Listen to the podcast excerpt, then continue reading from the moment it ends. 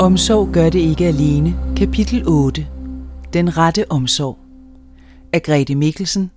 Udgivet i 2015. Tal og begreber kan være utidsvarende.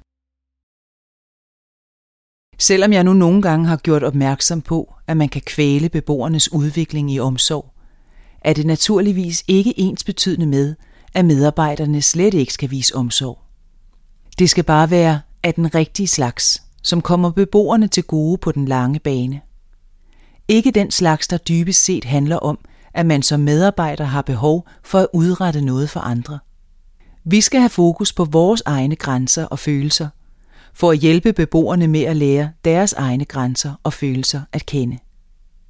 Vi betragter i dag beboerne som eksperter på deres eget liv, hvor vi før betragtede os selv som eksperter på beboernes liv. Vi har et motto, der lyder, det du gør for et barn, parentes voksen, som de selv kan finde ud af, sætter du dem tilbage i udvikling med. Vi skal derfor ikke gribe ind og regulere beboernes tilværelse, men der er situationer, hvor det vil være omsorgsvigt ikke at gøre noget. Vi har en meget overvægtig kvinde boende, som ville spise sig ihjel, hvis vi ikke indimellem sagde til hende, at hun ikke skulle spise to bakker, men nøjes med en enkelt flødebolle. Så selvfølgelig kan der være situationer, hvor vi skal gribe ind. Men det skal være undtagelsen frem for reglen, hvilket efter min erfaring er modsat mange steder. Det kan vi i hvert fald mærke på de beboere, vi får udefra. Omvendt er vi nødt til at være villige til at gå langt, hvis vi skal komme i mål med udviklingen af den enkelte. Eksempelvis er vi vant til, at nogle af pigerne ofte skærer i sig selv. Vores holdning er, at det er ikke noget, vi giver særlig opmærksomhed eller gør et stort nummer ud af i forhold til den enkelte. Selvfølgelig er vi optaget af det internt i personalet. Hvis en medarbejder ser det, kan hun for eksempel sige til pigen, når du er færdig med det der, er der frokost. Eller hvis en ung pige skærer sig selv gentagende gange lige inden medarbejderen går for natten med det formål at holde på medarbejderen, kan medarbejderen sige, hvis du skal skære dig i aften, kan du så ikke gøre det nu. I aften er jeg simpelthen nødt til at gå til tiden. For udenforstående kan det virke meget barskt. Men pigerne skærer sig for at få vores opmærksomhed rettet mod de følelser, de selv oplever som ubærlige. Ved ikke at give de dårlige følelser opmærksomhed, prøver vi at vise dem, at det ikke er farligt. Det man fokuserer på, får man generelt mere af. Og fokuserer man på deres selvskadende adfærd, går udviklingen hurtigt i den forkerte retning. Når de ikke får den opmærksomhed, de regnede med, reflekterer de over deres handlinger og holder efterhånden op med at skade sig selv. Det kræver is i maven, et klart hoved og et varmt hjerte at stå det igennem. Så det er ikke fordi, at medarbejderen ikke rummer omsorgen eller ikke vil give den. Men omsorg er bare ikke altid den bedste løsning. Hvorfor det er vigtigt for mig at forklare, så min pointe ikke fortaber sig i kritik om, at jeg er kold, og at det for os kun handler om at gøre det nemt for os selv. Det er vigtigt at forstå, at det her præcis er udtryk for omsorg. Mange af vores beboere har haft en opvækst uden nærhed, empati og anerkendelse. De lider ofte af det, der kaldes en tilknytningsforstyrrelse. De har svært ved at knytte sig til andre mennesker og isolere sig gerne. Den tilknytning, som de vil være i stand til at etablere, vil ofte være præget af overkontrol, aggressive udbrud, selvskadende adfærd, impulsive udbrud og selvudslættende adfærd. De vil ikke have udviklet evnen til at spejle sig i andre, genkende følelser hos andre i sig selv, og de vil som regel opleve deres egne følelser som meget stærke og totalt overvældende for dem. Det betyder for eksempel, at når de får en oplevelse af, at de er blevet forladt eller afvist, bliver de overmandet af angst og tomhedsfølelse. De har ofte svært ved at adskille dig og mig, det vil sige, at de forventer, at du har de samme følelser, som de har. De kan blive meget vrede, hvis du ikke anerkender, at det er sådan, det forholder sig. Hvis personalet mangler fornemmelse for egne grænser og følelser, vil det ofte hos beboeren opleves som et voldsomt svigt og føre til et uhensigtsmæssigt følelsesmæssigt udbrud af den ene eller anden art. Når personalet således ikke er i stand til at skille deres egne følelser fra beboerens, kan de derved nemt komme til at bidrage til at eskalere problemstillingen, i stedet for at dulme den ned. Medarbejderne, der samarbejder med beboerne om at få styr på deres liv, må derfor nødvendigvis også arbejde med sig selv og definere de udfordringer, de selv har, så de så at sige kan bære deres problemer foran sig, for ikke at få dem i nakken. For at lære beboerne at håndtere deres selvskadende adfærd, laver personalet kriseplaner sammen med beboeren. Alle kriser og problemstillinger, som beboeren vil kunne opleve, bliver beskrevet, og der bliver i samarbejde fundet frem til mulige løsninger. Dette er en vigtig del af behandlingen, da det på sigt vil lære beboeren at styre sin angst eller affektudbrud på en mere hensigtsmæssig måde. Hvis personalet ikke får løbende undervisning og supervision og dagligt bliver coachet af en erfaren terapeut, er risikoen for, at utrænet personale i forsøg på at fylde det store behov for omsorg hos beboeren, kommer til at udtømme sit eget omsorgsgen, og derigennem kommer til at skabe en uhensigtsmæssig relation til beboeren, som de begge er afhængige af, og som på sigt vil gøre beboeren dårligere og personalet udbrændt. Denne form for relation vil kun bidrage til fiasko for dem begge. For at behandlingen af beboere skal lykkes, er det nødvendigt, at der er et godt samarbejdsklima i botilbuddet, da en konflikt i personalegruppen ellers vil risikere at påvirke beboerens relationer til personalet. Hvis personalet er i stand til at tale åbent om konflikter og acceptere, at vi har forskellige syn på, hvad der er sandheden, kan der skabes et helende og kreativt behandlingsmiljø. Beboeren spejler sig i stemningen på stedet, og det vil have en synlig negativ afsmitning på beboeren, hvis der er uudtalte konflikter i personalegruppen. Dette vil skabe utryghed hos beboeren, og deres angst vil blive aktiveret, og som følge af det deres selvskadende adfærd, som bruges til at regulere følelser med. Det store arbejde for personalet i botilbuddet består derfor først og fremmest i kontinuerligt at etablere samarbejde. Have fokus på egne grænser, følelser, meninger og holdninger og tale åbent om dette. For at rumme dette i gruppen må der være en kontekst af gensidig accept, hvor samarbejde og kommunikation står i fokus. Kommunikationen skal være åben og ærlig, fri for dobbeltmeldinger og tydninger. Dette er vigtigt, da det også er den holdning, der skal udvises over for beboerne. De er mennesker, som har mistet fodfæstet for en tid. Vi skal forsøge at hjælpe dem med at få styr på deres liv. Men vi skal ikke bestemme, hvad der er godt for dem. Det skal de selv finde ud af. Vi skal hjælpe dem med at vælge ved at gøre valgene klare og mere gennemskuelige, og holde fokus på, hvilket ansvar de enkelte har. Det er det, vi kalder mentalisering.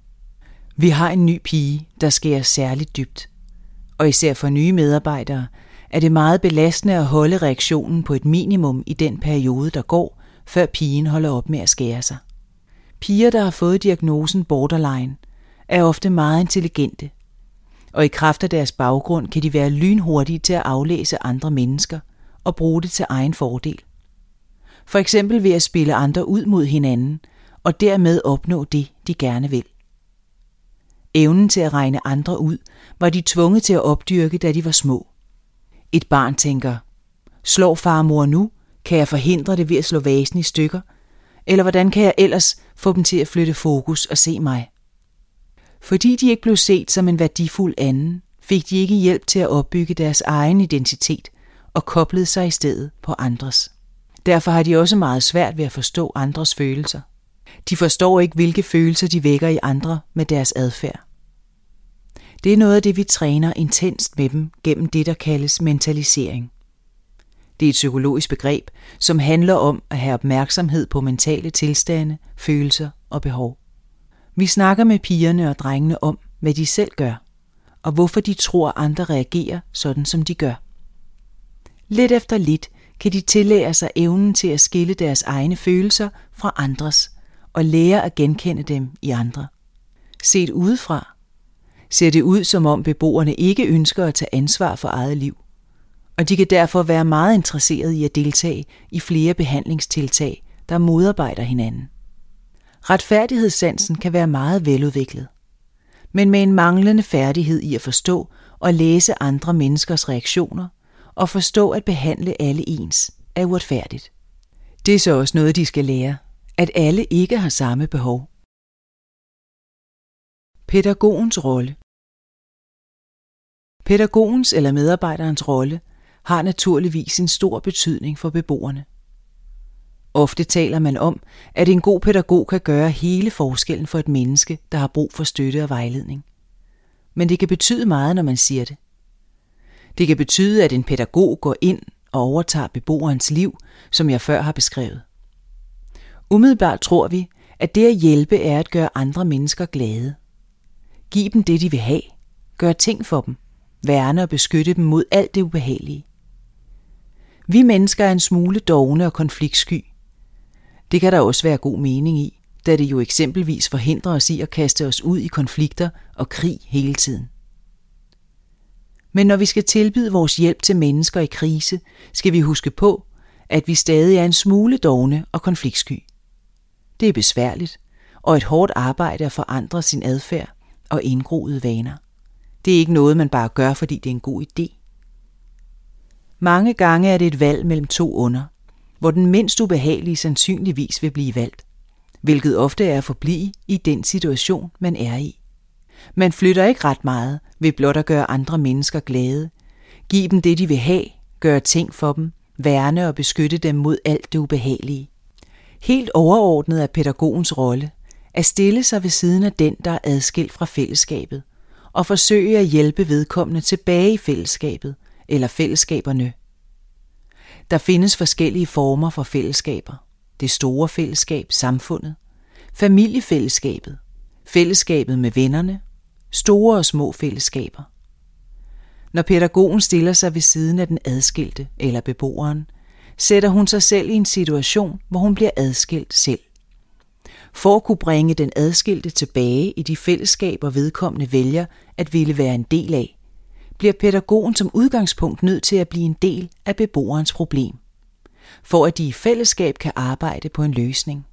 Fællesskabet med pædagogen er det første fællesskab, der skal lykkes på vej tilbage i fællesskaberne. Dette kræver stort mod og tro på sig selv samt en forståelse for, hvordan menneskelige relationer påvirker og styrer hinanden. Derudover kræver det, at pædagogen er uhyre tålmodig og bliver ved med at invitere ind i fællesskabet.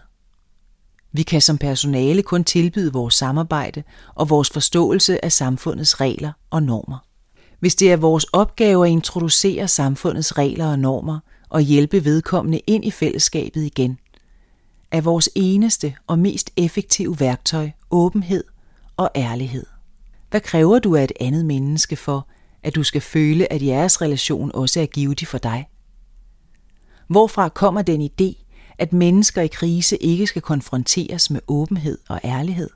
Åbenhed og ærlighed er det, de har mest brug for, for at kunne navigere i de menneskelige relationer, som de er faret vild i. Man kan sige, at det, der er forskellen på en almindelig relation og en professionel relation, er, at du i den professionelle relation skal sætte ord på dine handlinger hele tiden. På den måde gør du det tydeligt, hvorfor du gør, som du gør, og således gør du det muligt for den, som er faret vild, at finde vej. Pædagogen skal være ekspert i at skabe samarbejde. Du kan kun tilbyde dit samarbejde. Samarbejde vil sige, at du skal indgå i en relation med den anden på en ligeværdig måde. Ligeværd er, når samarbejdet går begge veje. Når vi taler om ligeværd, skal vi være opmærksomme på de magtrelationer, som præger samværet. Både den magt, du har i kraft af din position som pædagog, og den magt, beboeren har i forhold til dig. Ligeværd skal gå begge veje for at etablere et bæredygtigt og frugtbart samarbejde. Opgaven som pædagog er hele tiden at finde nye veje at etablere samarbejde på.